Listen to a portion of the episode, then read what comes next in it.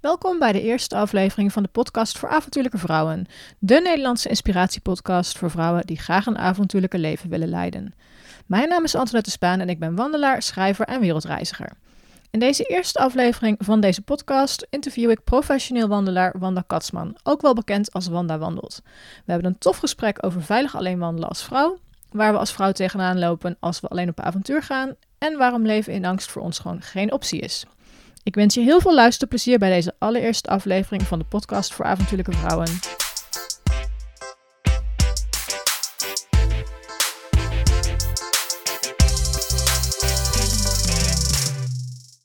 Wanda, van harte welkom bij de podcast voor avontuurlijke vrouwen.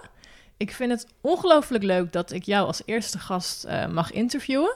Um, dus zou je willen beginnen met vertellen wie je bent uh, en wat je doet? Ja, nou, allereerst hartstikke bedankt dat ik als eerste gast in jouw podcast uh, mag zijn natuurlijk. Uh, super gaaf. Uh, mijn naam is Wanda Katsman. Ik ben ja, professioneel wandelaar, zeg ik altijd. ik heb een groot wandelblog en daarnaast geef ik wandeltrainingen, organiseer ik wandelweekenden. eigenlijk alles wat met wandelen te maken heeft, daar, daar hou ik mij mee bezig. Oké, superleuk. En um, je zei professioneel wandelaar. wat maakt jou professioneel wandelaar? Nou, dat, het is een soort met een knipoog. Maar uh, doordat ik er mijn eigen bedrijf van heb gemaakt, uh, ja, heb ik er eigenlijk met een knipoog professioneel wandelaar van gemaakt. Om aan te tonen dat ik niet zomaar iemand ben die een rondje gaat wandelen, maar er wel echt serieus uh, mee bezig ben. Oké, en want er is niet echt iets van een, een omschrijving uh, of een, iets van een, voor een professionele wandelaar eigenlijk binnen Nederland, toch? Nee, het was zelfs zo toen ik bij de Kamer van Koophandel kwam om me in te schrijven als bedrijf, dat, uh, dat ze geen idee hadden waar ze, onder welke categorie ze me nou moesten stoppen. Uh, dus uiteindelijk is het volgens mij schrijven en kunstuitingen geworden vanwege het blog en oh, nou wow. recreatie. Maar ja. Oké, okay, jeetje zeg. Um, nou, dan ga ik een van de belangrijkste vragen aan jou stellen, die ik uh, aan elke gast wil gaan stellen. Uh, namelijk, wat is je grootste avontuur tot nu toe wat je ooit beleefd hebt? Ik vind dat een lastige vraag die je daar stelt. Want ik heb best wel heel wat avonturen meegemaakt. Uh, maar ik denk aan het hele erge begin van mijn wandelcarrière. Dat die daar toch wel zit. En dat is uh, geweest dat ik samen met mijn vader uh, de GR5 heb gelopen. Of in ieder geval een stuk daarvan. En als je in Frankrijk bent, dan heb je gewoon niet zo heel veel campings. Um, dus ik denk dat het grootste avontuur voor mij wel is geweest dat ik um, uh, dat we veel moesten wild kamperen. En dat vond ik, uh, nou ja, wat was het eind? Uh, ik denk dat ik eind 9, ja, 19 denk ik dat ik was. 18, 19 jaar. Dus nog relatief jong en bleu. En ik vond dat toch wel echt een heel avontuur dat je dan ergens middel in de, ja, in de middle of nowhere, zeg maar, je tentje ja, opzet. Snap ik, ja. En daar uh, je potje kookt en maar hopen dat je niet gesnapt wordt of dat er geen enge beesten voorbij komen, uh, noem maar op. Dus dat, uh, ja, ik denk dat dat wel een van de grootste, voor mij avontuurlijke tochten is geweest die ik gemaakt heb. Oké, okay, klinkt ook wel heel gaaf als je dat dan met je vader kan doen. Um, want hebben jullie, uh, hebben jullie vaker samen gereisd? Of kom jij uit een nest waar heel veel gewandeld werd vroeger? Of... Nou, mijn vader was wel echt een, uh, uh, of is, nou, nu door zijn lichamelijke, nou ja, kan die niet heel veel, niet meer dit soort avonturen aan. Maar mijn vader was wel iemand die veel uh, op de fiets trektochten ging maken. Ik, ik weet ook niet anders dat onze vakanties waren fietsvakanties met het tentje achterop de fiets. En volgens mij was ik, nou ja, wat zal ik zijn geweest? Ik denk dat de zijwieltjes er net af waren toen ik mijn eerste fietsvakantie ging doen. Ja. Uh, door België, uh, knokken, weet ik nog, weet je, dat soort plekjes gingen we dan langs om te kamperen. En mijn vader was ook wel echt een wandelaar. Ik weet nog, hij had een tentje, het blauwe tentje. Dat is echt een, nou ik denk als mijn broertje dit hoort, dan, uh, dan weet hij meteen waar ik het over heb. Het blauwe tentje was heilig en dat was een, uh, een van de eerste echte lichtgewicht tenten. Mijn okay. vader heeft er echt een maandsalaris aan besteed toen der tijd, wow. dus toen hij nog jong was, om dat tentje te kunnen kopen, om avonturen, ja, uh, op avontuur te kunnen gaan, te kunnen wandelen en te kunnen fietsen. Dus het zit wel een beetje in, ja, in de genen, denk ik. Mm -hmm. En toen ik volgens mij 13 was, 13 of 14. Toen, uh, toen zijn we eigenlijk echt met wandelen begonnen. En uh, zijn we begonnen met Pieterpad. Uh, dus ook met volle bepakking. Mijn broertjes waren toen 12 of zo. zijn we met volle bepakking zijn we in een aantal zomervakanties delen van het Pieterpad gaan lopen. Wat cool. Nou ja, ik zit daar even over, over na te denken. Want ehm, ik heb het Pieterpad zo'n jaar of tien geleden denk ik gelopen. En ehm, je loopt natuurlijk wel een beetje van dorp tot dorp op sommige plekken binnen Ja. Nederland. En ehm, ik, ik merkte dat ik toen best wel raar werd aangekeken door mensen. Dat ik met zo'n grote rugzak op door Nederland liep. Ja. Eh, dat we bijvoorbeeld bij een supermarkt eh, waren om avondeten te kopen. En dat er dan zo'n groepje, jongen, eh, groepje jongeren stond die dan echt kijken... Huh, wat hebben jullie nou weer? Ja. Wat is dat? Ehm, dus ik vind het heel cool dat je dat, dat, je dat gedaan hebt. Ja, Eh, Ja, ehm, kijk, ik praat nu over bijna 25 jaar geleden. En toen was dat natuurlijk, toen was het Pieterpad ook nog helemaal niet zo populair Nee, als dat het nee, nu is. Dus dat was natuurlijk al helemaal. Maar het was wel, eh, het was wel sowieso een uitdaging om dat met volle bepakking te doen. Ja. En ik heb ook enorm veel respect voor mijn vader, die dus met drie kinderen. ehm, dat, tieners, dat zomaar deed. dat zomaar deed. Ja. En als ik ook, eh, ook, ook zie wat voor, als ik nu bedenk wat voor een bult hij op zijn rug had om ons ook nog enigszins te ontlasten. Jeetje, Eh, qua ja. gewicht. Natuurlijk, wij droegen ook, volgens mij hadden mijn broertje iets van 10 kilo en zat ik ergens tussen de 12 en de 15 kilo. Maar mijn vader liep echt met 25 Oh, kilo op zijn nek. 25, jeetje, ja. Ja, ja. ja. ehm, en inderdaad wel van dorp naar dorp, maar toch heeft het iets avontuurlijks. Omdat Zeker, je toch iedere dag weer moet gaan kijken, waar komen we uit? Waar kunnen we eten halen? Waar kunnen we slapen? Ja, Ja, ja maar het was super tof. Ja, ja, ik heb hem ook uiteindelijk helemaal gelopen eh, in delen. Weekendjes en twee keer een week. Ja. En het heeft me echt verbaasd hoeveel mooie plekken Nederland heeft. Hoeveel afgelegen plekken zelfs Ja. nog. Ehm, je hoort heel vaak van Nederland is vol en we hebben geen natuur meer. Nou ja, ik zou zeggen tegen de mensen die dat roepen, ga het Pieterpad lopen. Want je komt echt op fantastisch mooie, mooie plekken uit. Ja, en wat ik heel bijzonder vond, is dat je ehm, eigenlijk heel langzaam het landschap ziet veranderen. Je begint in Pieterburen, en de polders. Eh, je ziet al, eh, wij hebben er twee dagen over gedaan om naar Groningen te lopen, want dat was het begin. Hè? Ja. Maar je ziet die, die Martini-toren al twee dagen, Ja, zeg maar. Dus het is ja, heel erg uitgestrekt. en dan kom je Drenthe binnen en langzaam maar zeker eh, kruis je eigenlijk heel Nederland door en verandert het landschap iedere keer. En ik vind dat zo ontzettend bijzonder ook om te zien hoeveel verschillende soorten landschappen we eigenlijk wel niet in Nederland hebben. Ja, zeker. Wist jij trouwens dat wij, als ik me niet vergis, 20 nationale parken hebben in Nederland? Ja, bizar hè? Ja. Het zijn er echt heel veel. Ja, ik heb dat eh, een paar jaar geleden, toen ik net met mijn eh, blog begon, heb ik dat dus uitgezocht. Want ik woon natuurlijk zelf op de Veluwe, waar we dan de Hoge Veluwe en de Veluwe Zoom hebben. En ik was gewoon heel benieuwd wat er nog meer was in Nederland. En toen, eh, toen ben ik gaan zoeken en toen kwam ik er dus achter dat er 20 nationale parken zijn.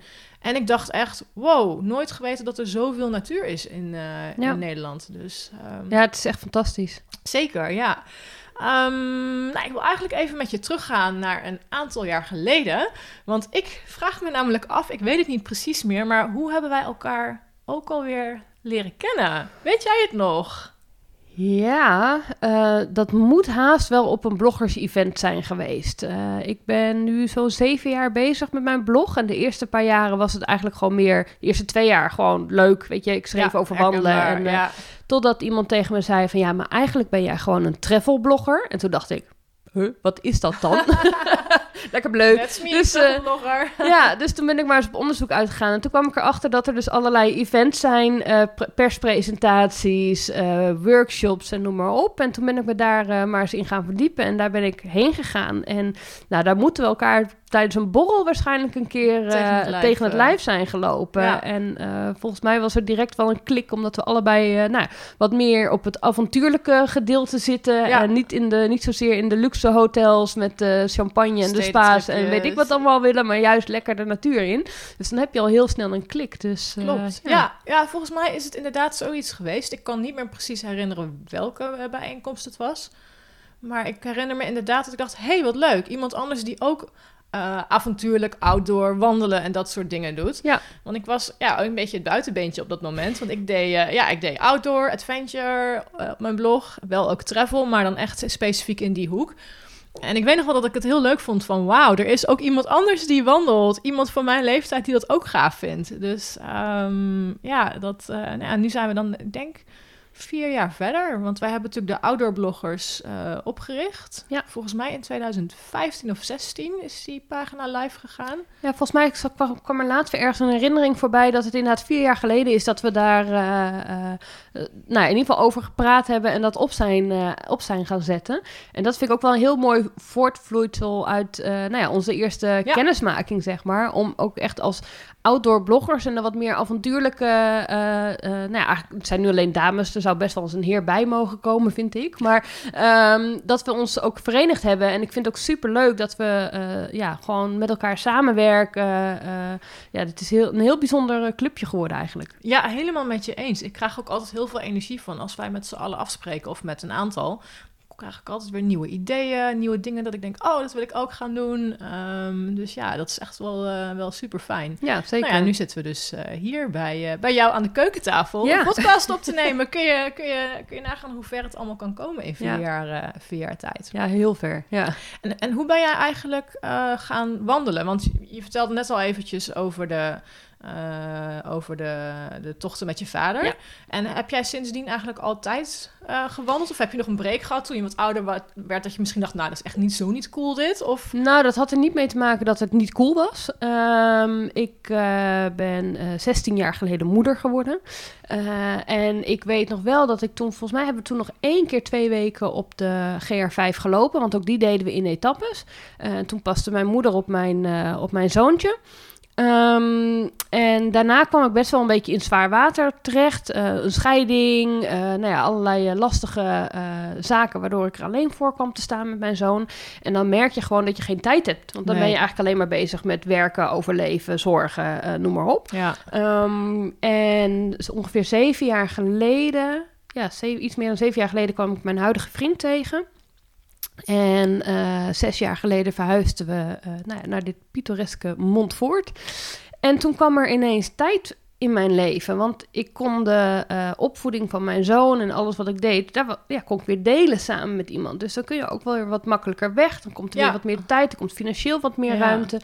En toen dacht ik, ja, hoe ga ik die tijd nou inrichten? En toen dacht ik wel, hoe kan ik nou mijn nieuwe provincie, want ik kom oorspronkelijk uit Zeeland en ik kwam hier in Utrecht, in de provincie Utrecht wonen. En toen dacht ik, hoe kan ik mijn nieuwe provincie nou beter leren kennen dan te gaan wandelen? Ja.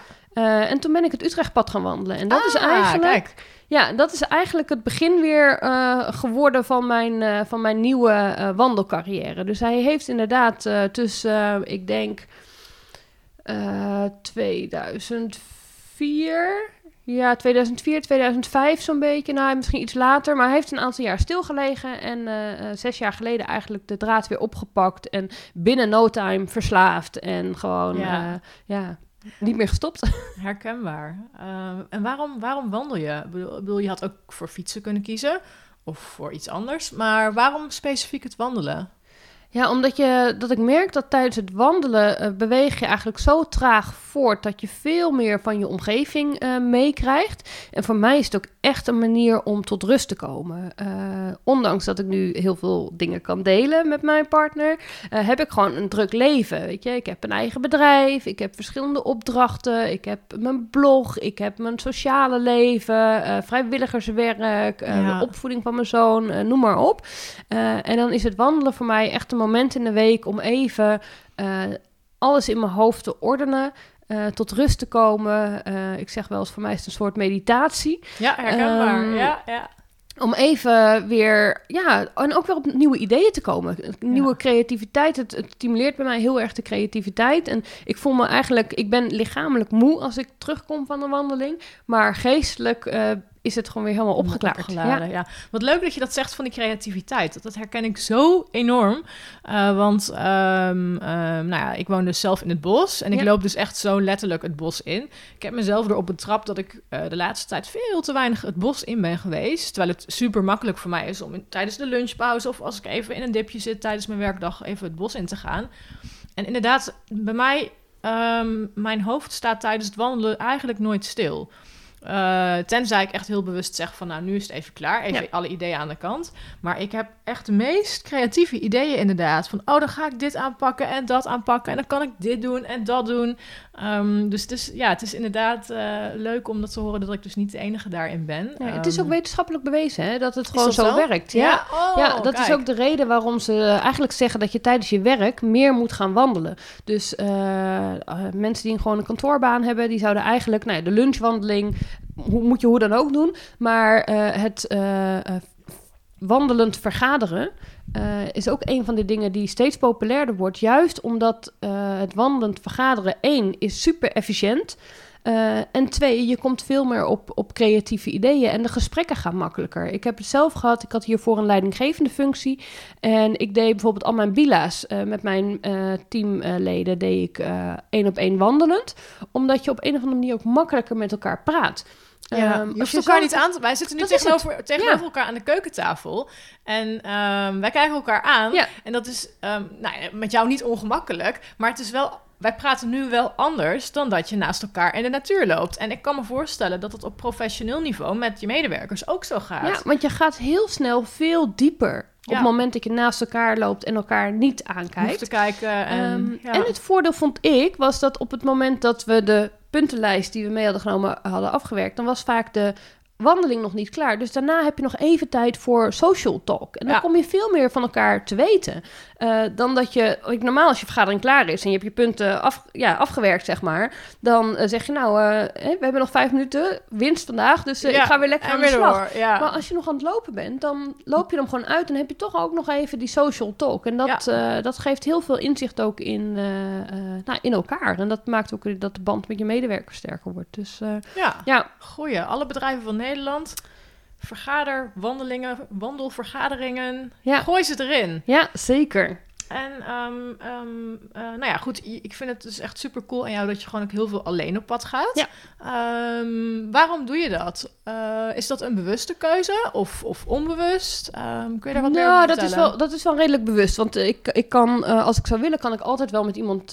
is er altijd wel iemand die met me mee wilt wandelen, maar ik ja, ik vind het gewoon ontzettend fijn om alleen te wandelen. Juist hè, waar we het net over hadden, dat hoofd even tot rust brengen. Even alles wat er gebeurt, dus even in het juiste kamertje zien te krijgen. Uh, op nieuwe ideeën te komen, te bedenken hoe ik bepaalde zaken moet aanpakken. Dat lukt niet als ik samen met iemand wandel. Want als ik samen met iemand wandel, dan ben ik bezig met die andere persoon. Dan, weet je, dan ben je sociaal bezig. En dat is ontzettend leuk.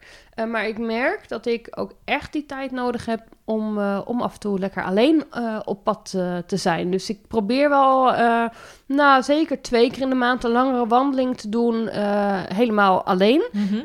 en het liefst ook gewoon, gewoon een paar dagen, weet je. Ja, ja. even helemaal eruit. Heerlijk, en, ja. ja. Want nou ja, de podcast uh, van vandaag gaat ook uh, met name over alleen wandelen. Mm -hmm. uh, en om te kijken van hoe wij de, de, de, vrouwelijk Nederland meer aan het wandelen kunnen krijgen ja. in een eentje, maar ook op, op andere avonturen kunnen sturen. Zeker. Um, nou ja, je hebt natuurlijk je blog, je platform. Je bent, als ik het goed zeg, wandeltrainer. Ja, Mag klopt. dat zo noemen? Ja, ja wandeltrainer. wandeltrainer. Ja. Um, krijg je nou veel vra vragen van vrouwen? Uh, of andere dames die wel willen wandelen, maar niet durven. Of vragen over van, goh, hoe doe je dat als je ja. alleen wandelt? Krijg je daar überhaupt veel vragen ja. over? Ja, heel vaak. Zeker als ik uh, op pad ben. Hè. Ik, uh, als ik op pad ben, dan hou ik meestal live via Instagram stories bij wat ik allemaal meemaak. maar ook in mijn mailbox krijg ik gewoon heel vaak de vraag van, vind je dat dan niet eng? Ja. en hoe doe je dat dan? En vind je vriend dat dan wel goed? Dat je, dat, dat je mm. zomaar weer een lang weekend gaat lopen alleen. uh, ja, dat vindt hij goed trouwens. Um, maar uh, ja, de, de, ik krijg die vraag, vaak, vraag heel vaak en ik snap, het, ik snap die vraag ook heel goed. Um, maar ik heb geleerd om niet in angst te leven. Dus ik wil, ik wil niet bang zijn. Dat wil niet zeggen dat ik nooit bang ben. Uh, maar ik wil me niet laten belemmeren door angsten. Nee. Uh, dus ik ga gewoon. En, uh, ja. en nou ja, ik ga gewoon is, klinkt nu heel makkelijk. Tuurlijk bereid ik me goed voor.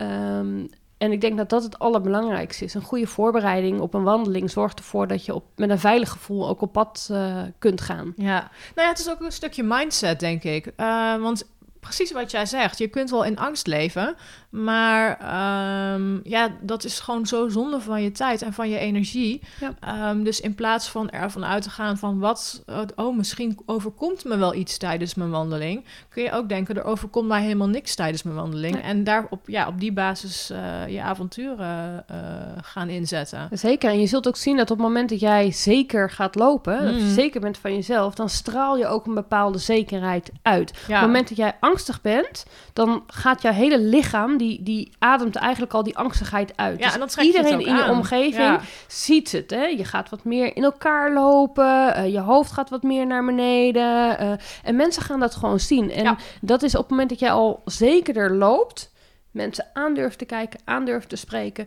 dan straal je dat ook veel meer uit. En dan, dan heb ik het idee dat je ook veel minder de kans hebt dat er ook werkelijk wat gebeurt. Ja, helemaal mee eens. En ik, uh, ik, ik hoorde jou net zeggen van ehm, eh, als ik op pad ben, dan uh, plaats ik live mijn Instagram stories. Ja. Um, ik moet eerlijk zeggen, ik, heb daar, ik had daar tot voor kort nooit zo over nagedacht. Maar ik heb onlangs bewust besloten om dat niet meer live te doen. Mhm. Um, mede omdat ik ook veel reis voor, uh, voor mijn, uh, mijn blog. Ja. En uh, ik heb een, tijdens een van mijn laatste reizen was ik in mijn eentje. Ik doe dat dus ook echt bewust alleen als ik in mijn eentje ben. Toen heb ik alle updates precies een dag later geplaatst. Um, dat, op dat moment gaf me dat even een, een veilig gevoel achteraf denk ik van, nou ja, is het echt nodig? Um, wat is voor jou, maar wat is voor jou, ja, dat was, voelde voor mij op dat moment even heel goed. Ja. Uh, maar wat is jouw motivatie om dan toch te denken van, ik, ik doe het live of ik doe het niet als ik vanavond thuis ben of zo?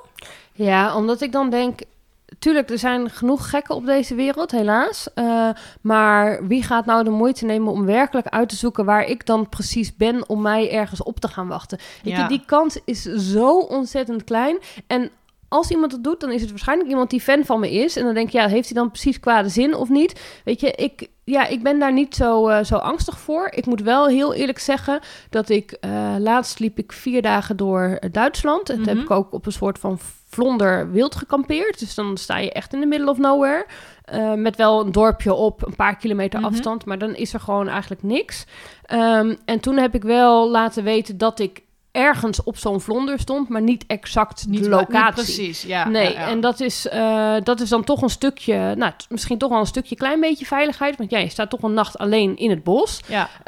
Um, maar um, ja, uiteindelijk ik wil me dan niet volledig laten belemmeren, dus ik wil wel iets laten zien. En toen de volgende dag heb ik nou ja, nog wat meer uh, over de wat meer preciezere locatie, locatie waar dan ongeveer. Ja, en toen was je toch al weg uiteindelijk, ja. Juist, ja. ja. Maar als ik gewoon op camping sta of... Dan, dan kan het ik, prima, ja. ja Wie komt je, er nou s'nachts jouw tent binnen? Ja, en ik kom, om heel eerlijk te zijn, kom je...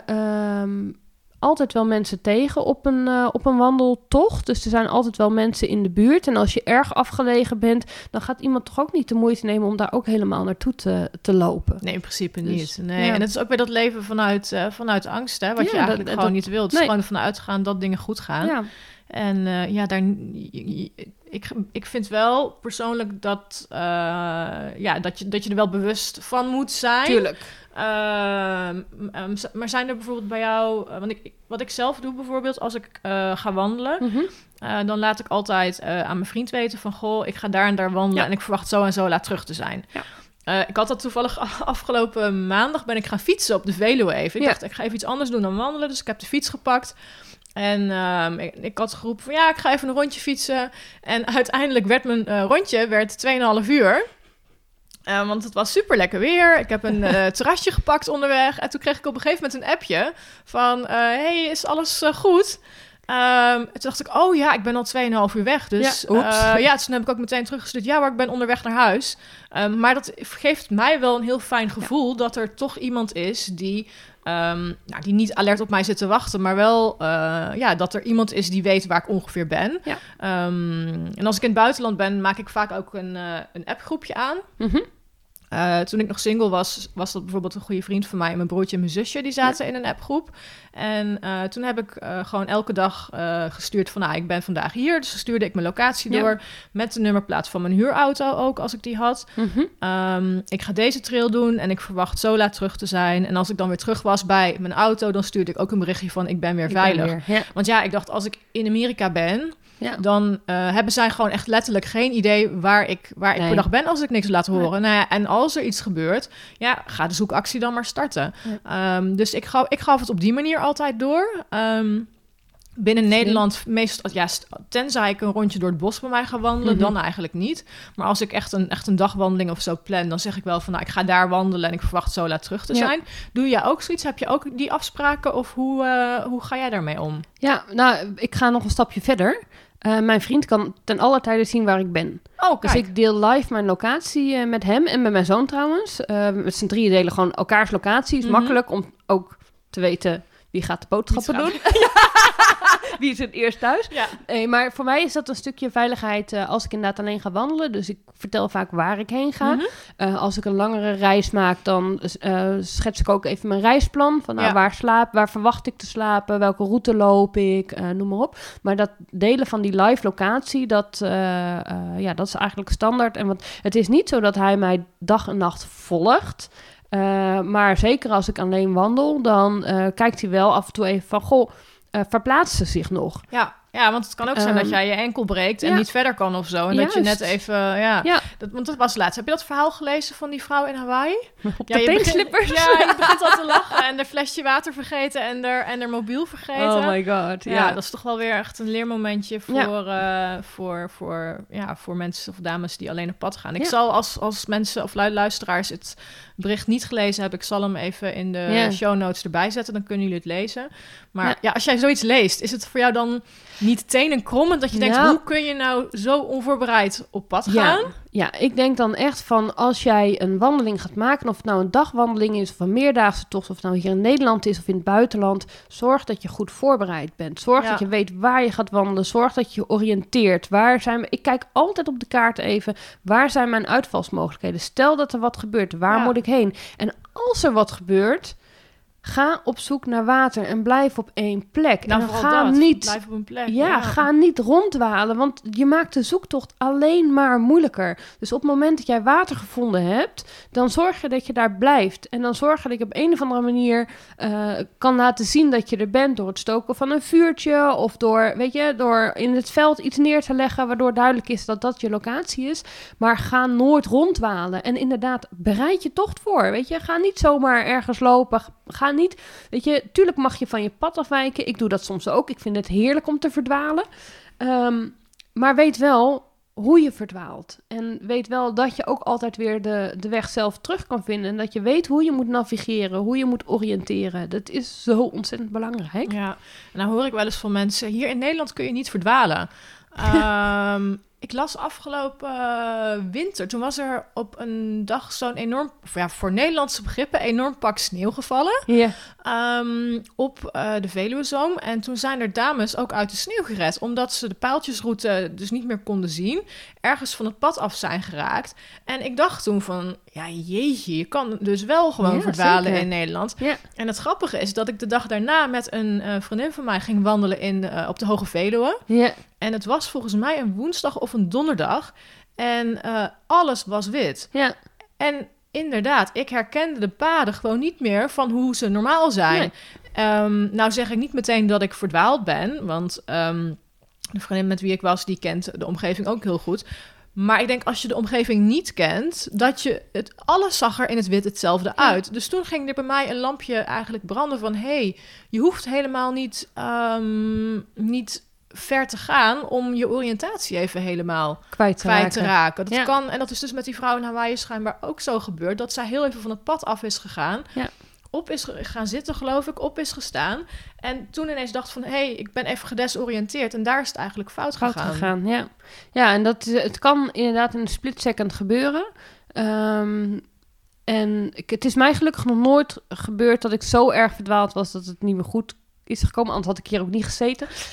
maar, ehm, maar dan nog is een goede voorbereiding is gewoon echt wel key. En op het moment dat jij een telefoon bij hebt of een GPS of een, een kompas of iets, dan heb je in ieder geval en je hebt je georiënteerd. Dus je weet, hé, hey, ik heb daar mijn auto geparkeerd en ik ben naar het noorden gelopen Ja, dan kun je er bijna nou ja, vergif op innemen dat jouw auto ergens aan de andere aan, in, aan de zuidelijke kant staat. Weet je? Ja. Dus je, en als je een kaart bij hebt, dan kun je aan de hand van rivieren, eh, hoogteverschillen, eh, paden, noem maar op, kun jij toch zien, of in ieder geval ontdekken waar jij bent. ja. En ehm, ik denk dat heel veel mensen door de technologische ontwikkelingen die we nu hebben, hè, je telefoon, een GPS-toestel, noem maar op, die hebben geen idee meer hoe je een Nee. kaart moet, eh, moet lezen. Nee. Ehm, Ne- eh, Neem je altijd een kaart mee? Ben jij zo'n... eh, Ik, ik, vind mezelf namelijk een kaartenmeisje. Ik heb een enorme bak met wandelkaarten Ben jij er ook zo eentje? Ik nou ja, kijk, lachen. kijk rechts van je, daar ja. ligt een hele stapel.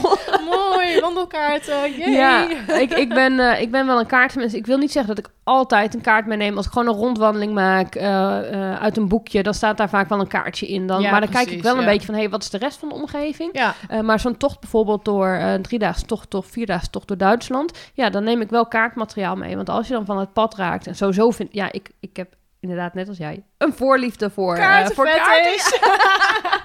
Dat is echt, ik kan daar uren op staren en Ja. gewoon naar kijken en mijn route nog eens bepalen en afstanden bepalen. En ja, ik vind dat heerlijk. Ja. Ja, leuk. Nee, ik, ik moet ook eerlijk zeggen, ik ben ook echt zo'n zo'n enorme nerd die dus als ik ergens naartoe ga, ook gaat kijken van is er een wandelkaart? Kan ik Ja. die in Nederland ook kopen? Of Ja. als ik ergens naartoe rijd, al is het maar Zuid-Limburg of de Eifel of Ja. eh, de Ardennen, dan ga ik naar het VVV-kantoor om, een- om een kaart te kopen. En dat ik in ieder geval weet van hé, hey, waar ben ik? Wat kan ik een beetje verwachten? Hoe kan ik mijn tocht uitzetten? Ja. En ik, ik gebruik het in Nederland ook vaak weer om tochten opnieuw te plannen. Dus om te kijken van, nou ja, ehm, ik ben er alles geweest, maar misschien kan ik nu hier gaan wandelen Ja. of kan ik dat doen? Ehm, ja, het is heel leuk. En wat ik met name er ook eh, fijn vind van het hebben van een kaart, zeker als je een uitgezette wandeling loopt. Ik ga over anderhalve week naar Zweden toe om eh, de Olafsleden te lopen. Dat is natuurlijk gewoon een bestaande, bestaande route. Eh, maar op het moment dat je een grotere kaart hebt dan in het boekje staat, dan kun je ook wat makkelijker zien wat er links en rechts van het pad nog allemaal aan bijvoorbeeld eh, accommodaties ligt, eh, dorpjes, eh, bevoorradingspunten. Misschien net een mooier pad om een stuk van een, Van een andere route ja, van een asfaltroute Ja, eh, te ontlopen of iets dergelijks. Dus eh er gaan gewoon vijf kaarten in mijn rugtas mee. En dan zou je denken, jeetje, wat een gewicht. Ik ben een grammenjager. Hij staat hier niet weer op tafel. Ik heb hem stiekem eh, net even weggezet. Maar ik had dus echt een weegschaaltje om te bepalen wat er eh, aan gewicht in mijn tas gaat per oh, ding. Ja, en de kaarten die, die staan Maar die kaarten- op, die gaan mee. die gaan mee. En dan Ja. denk je, ja, dat is best wel een, eh, een, een behoorlijk gewicht wat je extra meeneemt. Ja, maar ik vind dat ja. het wel eh, is waard. Ja, Ja, in ruil voor eh, nou ja, een, een extra vest. Ja. Dan maar een nou, paar kaarten tof. mee. Ja, nou, ik, moet, ik moet zeggen, ehm, afgelopen eh, jaar of anderhalf jaar geleden was ik in Nieuw-Zeeland. In mijn eentje. Daar zou ik drie maanden lang allerlei tochten gaan lopen. En ik ben dus in de eerste week ben ik al verdwaald. En dat was echt zo'n eye-opener. Want Nieuw-Zeeland, eh, de paden die ik eh, daar loop, zijn goed gemarkeerd. Nieuw-Zeeland is echt een soort van wandelparadijs. Daar Mhm. ik ben daar drie keer eerder geweest, of sorry, twee keer eerder geweest voor die reis. En ik, eh, ik, ik volgde altijd gewoon de paaltjes. Eigenlijk zijn alle trails die ik ooit heb gelopen daar goed gemarkeerd. Ja. Ehm, dus een kaart is niet nodig. Een GPS gebruik ik niet. Ik, als ik navigeer, doe ik dat op mijn telefoon. ja. Het zou ook op mijn horloge kunnen. Ik heb een eh, Suunto, maar ik ben gewoon te lui om uit te zoeken hoe dat werkt. Hoe dat moet, heel erg. Ehm, maar ehm, ik ben dus echt op de... Nou, volgens mij was het echt de tweede of de derde wandeling die ik daar maakte. Ben ik gewoon echt verdwaald. Dat ik dacht, oké... eh, ik stond ineens voor een rotsmuur. Dus er kwam eerst een bordje met eh, dat er geen gemarkeerd pad meer zou zijn vanaf dat punt. En toen dacht ik, ja, maar deze wandeling wordt aangeraden op de blog van een van de grootste bloggers over Nieuw-Zeeland. Ik had niet verwacht dat dit zo'n lastig pad zou zijn. En toen stond ik echt der- 30 meter verder voor een rotswand. Dat ik dacht, oké, moet ik hier nu omhoog gaan klauteren? Want mijn ervaring in Nieuw-Zeeland is dat de paden relatief goed zijn. Ja. Ehm, en ik heb toen echt staan kijken met mijn mobiel van waar ben ik. En ik had wel zo'n klein kaartje inderdaad bij me, maar geen, geen topografische kaart. En ik heb op dat moment besloten, ja, ik ga hier niet met op handen en voeten naar boven klimmen, want niemand weet dat ik, ja, thuis weten ze dat ik hier ergens moet zitten. Ja. Maar ik zag gewoon geen pad meer. En ehm, dus toen ben ik teruggegaan naar de auto. En ik was er eigenlijk van overtuigd dat ik op de terugweg het juiste pad zou vinden. En dat ik gewoon verkeerd was gelopen. Ja.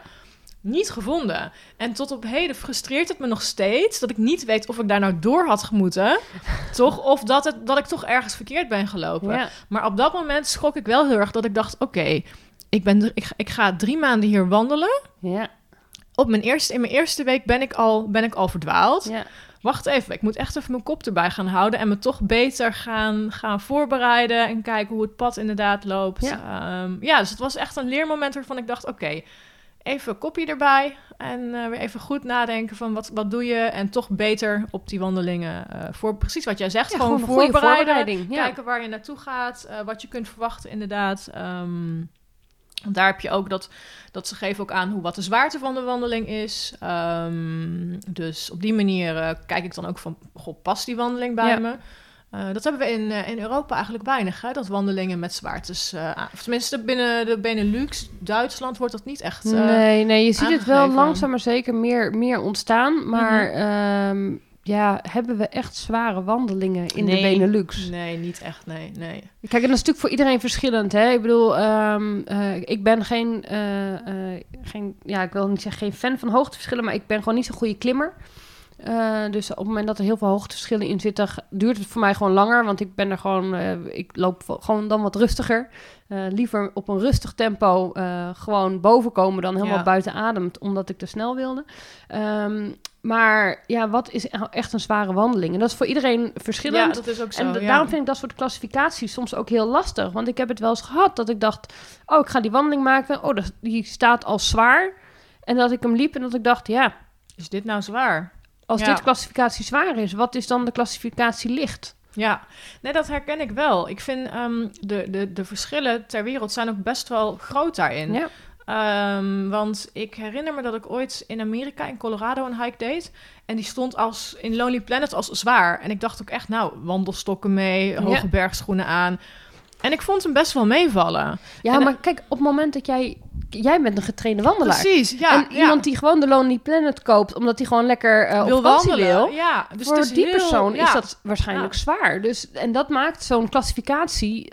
Er is geen eenduidige klassificatie, Nee, dus dat maakt het dan ja. lastig. Ja. Dus waar ik eigenlijk vaak naar kijk is eh, afstand, hoogtemeters, eh, weet je, dat soort. eh, Ja. Dat geeft voor mij meer een indicatie dan dat erbij staat of die zwaar is of licht is. Weet Ja. je? Ik, ja, zwaar is heel relatief. En ik kan me nog herinneren, in Noorwegen vond ik een middelwandeling vond ik best wel zwaar. Maar ja, de Nooren zijn natuurlijk gewend om loodrecht omhoog te Juist. lopen in die fjorden. Nou, dat kennen wij hier in Nederland Nee. natuurlijk helemaal niet. Nee. Ehm, dus ehm, ja, dat vond ik wel opvallend. Dat ik eigenlijk dacht, je kunt van zo'n omschrijving...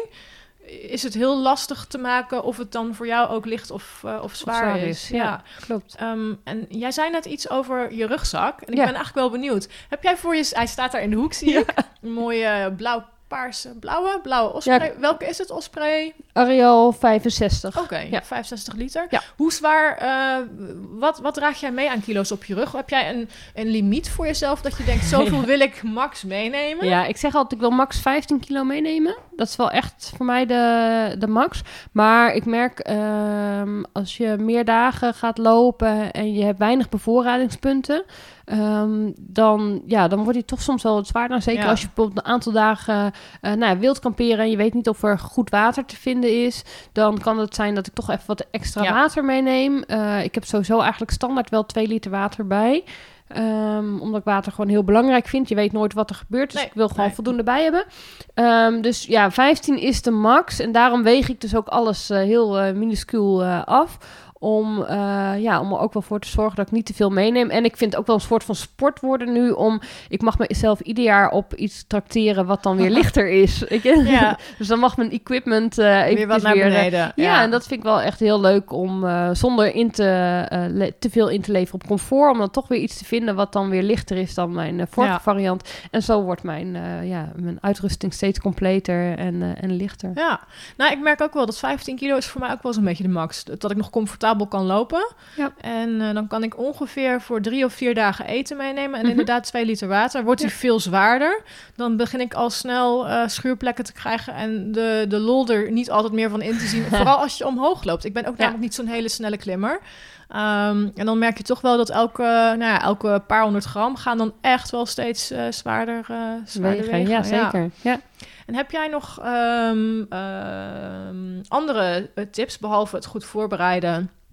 Eh, heb je nog andere tips of dingen ja, waar, waar, waar vrouwen die alleen eh, willen gaan wandelen eh, aan kunnen denken als voorbereiding? Of wat ze ter plekke nog kunnen, nog kunnen doen? Ja, nou ja, ehm, eh, die, die, die goede voorbereiding, neem de juiste spullen mee en, eh, en eh, weet waar je gaat lopen, is natuurlijk één.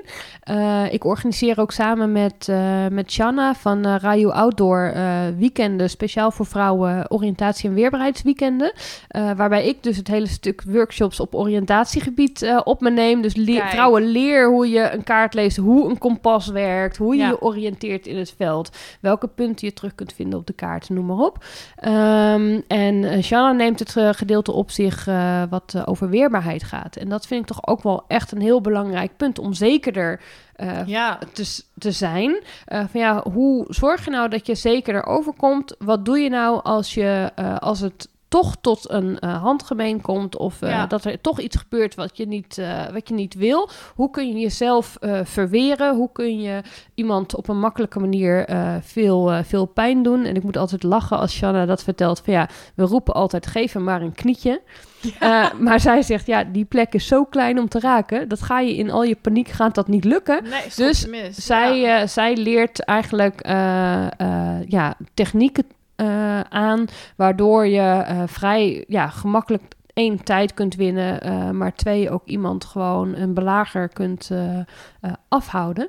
En ik hoop natuurlijk dat niemand het ooit nodig heeft. Maar het feit dat je een aantal technieken weet, zorgt er al voor dat je zekerder op pad gaat. Ja. En een van, de, een van de dingen die ik ook standaard eigenlijk aan mijn tas heb zitten, en volgens mij zit hij aan deze tas zelfs aan het sluitgespje van mijn borstband, is een klein fluitje. Oh ja, ja, hele goede. Weet ja. je, niet alleen voor als er iets gebeurt met iemand die jou aanvalt, maar ook stel dat jij uh, van een pad afglijdt een ravijn in. Nou dat. En ja, jij ligt ja, daar, niemand die jou ziet. Nee. En op het moment dat jij, uh, of dat jij je enkel breekt midden op de Hoge Veluwe, dat kan ook al, hè? Ja. er kan zomaar helemaal een hele dag niemand voorbij komen. Vooral door de week. Ja. Uh, maar er liggen wel fietspaden in de buurt. Dus op het moment dat jij een fluitje bij hebt en jij kan gewoon genoeg geluid maken, dan kun je er wel voor zorgen dat mensen weten waar jij je bevindt.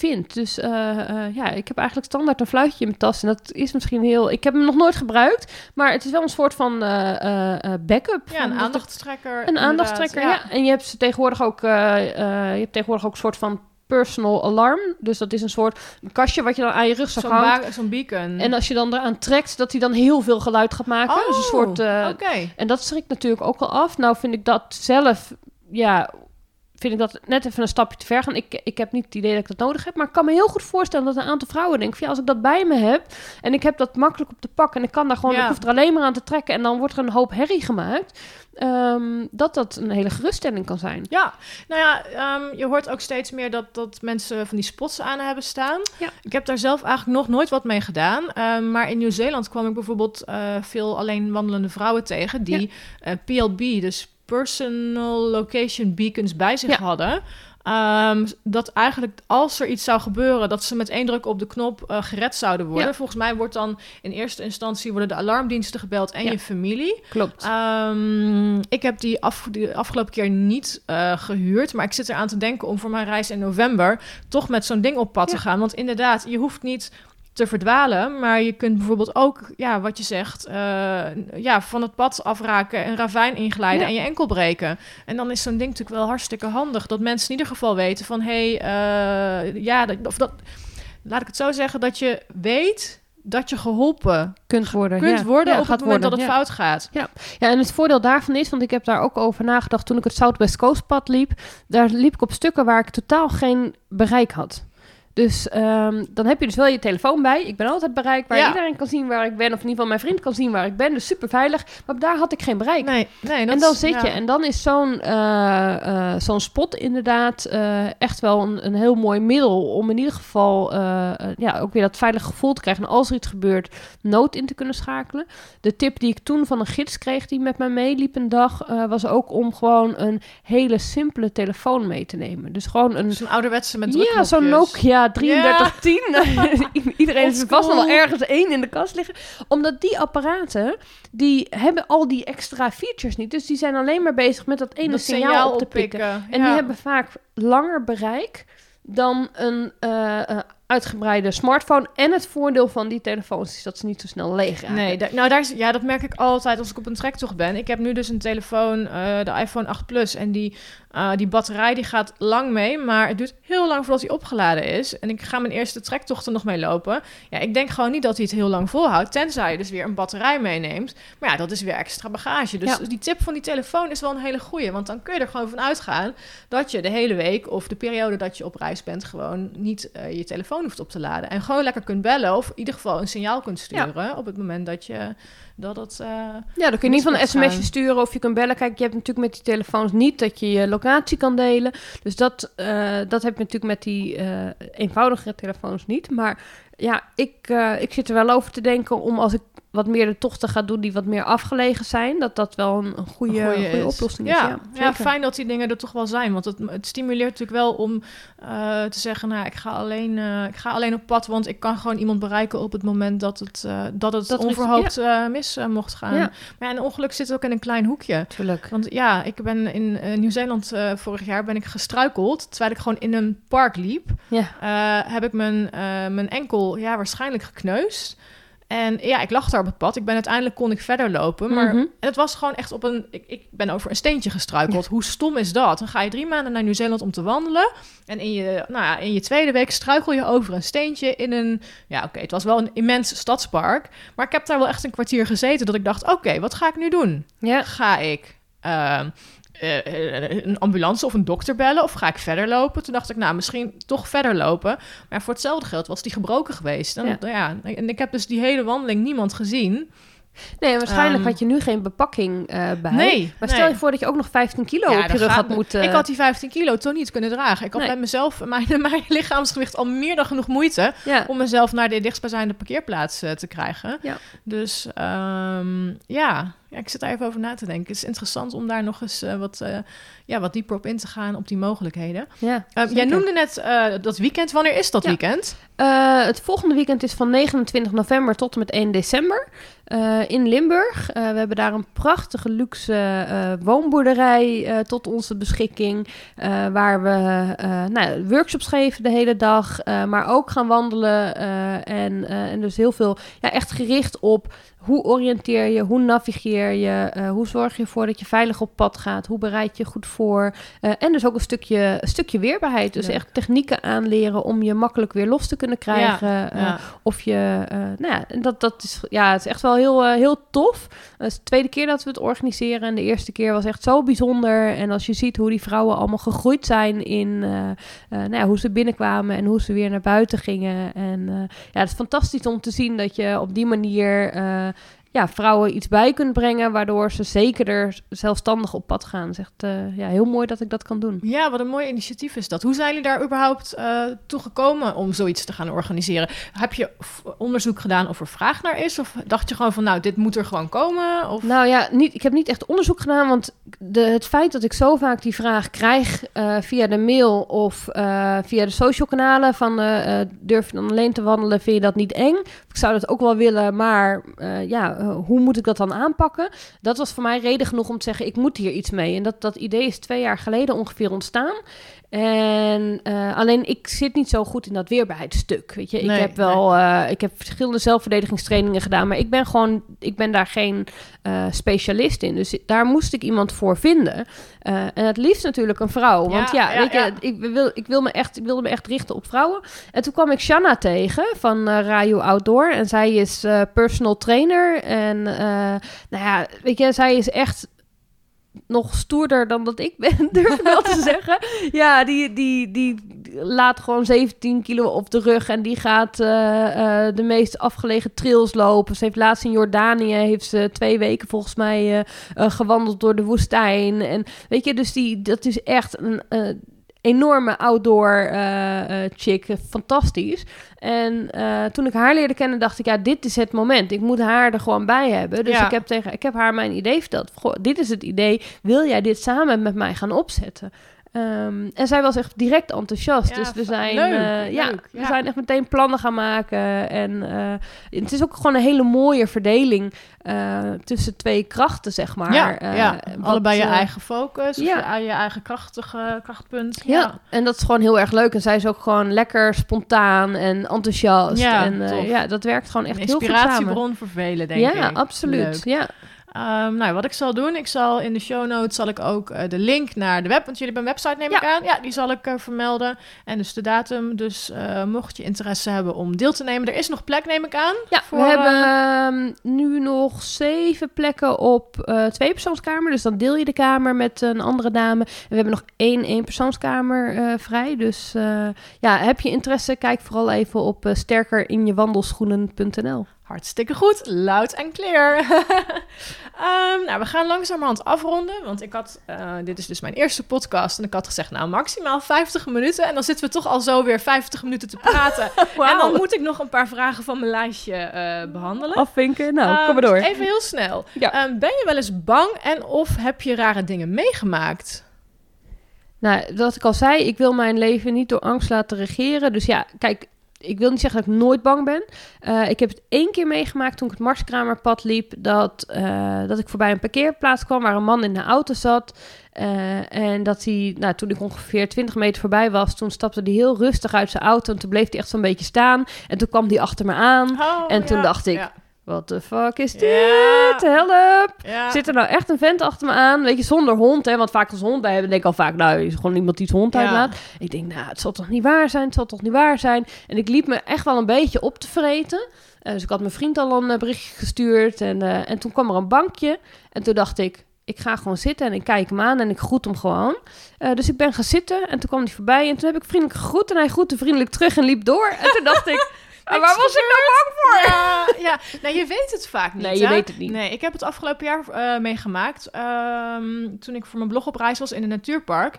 Toen had ik mijn auto geparkeerd. Ik wilde de zonsondergang gaan fotograferen. Ik had mijn auto geparkeerd en vanaf de parkeerplaats was het naar de grote weg teruglopen. En dan nog een paar minuten langs de weg eh, over een paadje naar het, eh, het, ja, het uitzichtspunt.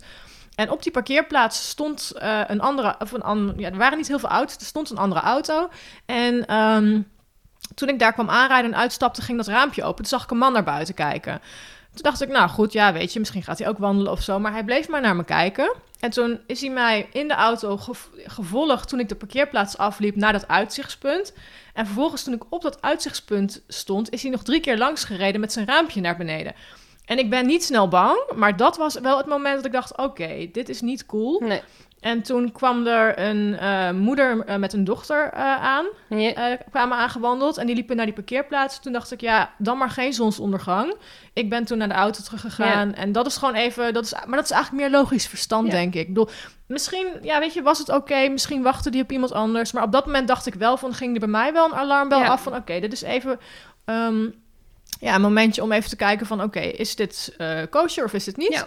Dus ehm, ja, en, als je er, en dat is ook het belangrijkste tip eigenlijk. Hè? Op het moment dat jij je er niet lekker bij voelt, ga handelen. Ga Ja. zorgen dat jij eh, in een situatie komt waarbij je je wel lekker voelt. Ja. En in jouw geval is dit geweest, ik loop terug naar mijn auto, dan maar niet die mooie zonsondergang. Die komt nog wel een keer. precies, En dat is het beste wat je kunt doen. Want op het moment, weet je, je gevoel ehm, eh, geeft toch vaak wel een signaal af. En eh, kijk, als jij heel angstig altijd al bent, dan kan het niet altijd het juiste signaal zijn. Maar het belangrijkste is dat jij je oké voelt. ja. En eh, dat jij eh, het gevoel van veiligheid terug weet te krijgen. Nou ja, dat Ja. heb je gedaan door terug te gaan naar je auto. Ja, Hoe jammer ook, Ja, maar jammer, ja, maar ja, het is niet anders. Ja. safety first. Dus, Zeker. Oké, laatste, nou twee vragen eigenlijk nog, maar eentje hebben we al min of meer besproken. Want welk item mag absoluut niet in de rugzak van een avontuurlijke vrouw ontbreken? Ja, dat is dan toch Dat de dat- wandelkaart. Ja, de wandelkaart. ik. Ik dacht het fluitje misschien. Oh, het fluitje Ja. ook? Ja, jeetje. Ja, nou, ja, twee dingen. Jij mag twee ja, dingen zeggen.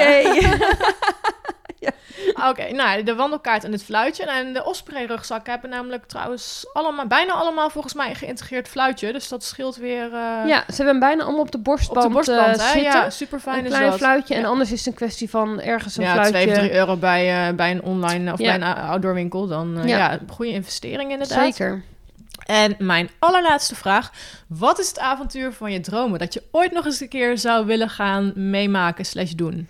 Nou, wat, wat echt al heel lang op mijn verlanglijst staat, en dat klinkt misschien minder avontuurlijk dan dat ik het vind, eh, maar eh, is om hier de eh, deur uit te lopen met mijn rugzak en via Duitsland, Denemarken naar Oslo te lopen. Hmm. En daar het Olafspad op te pakken naar Trondheim toe. Dat is nog wel echt een droom waar ik ja, hopelijk over een aantal jaar tijd en energie nog voor heb om dat te gaan doen. gaaf. Ja. Mooie plannen. Ja, zeker. Leuk.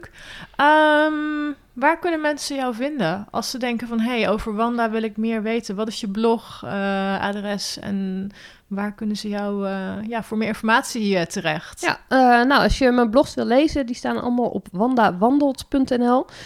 vrij makkelijk te onthouden. En eigenlijk al mijn social media kanalen zijn hetzelfde. Dus mention Wanda Wandelt.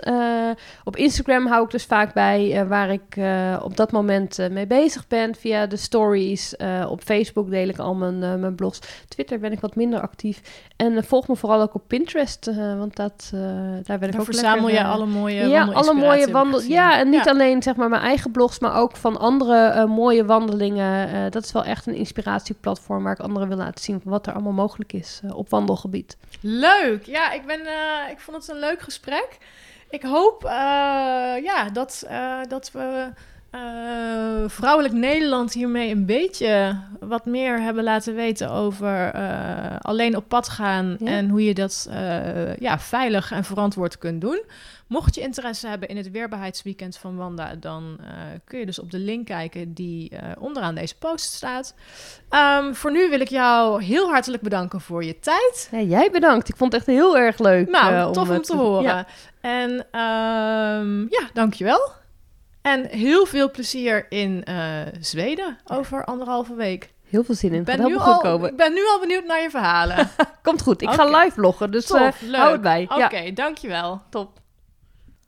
Hopelijk heb je genoten van deze podcast met Wanda en hebben we je geïnspireerd om vaker alleen en veilig op pad te gaan.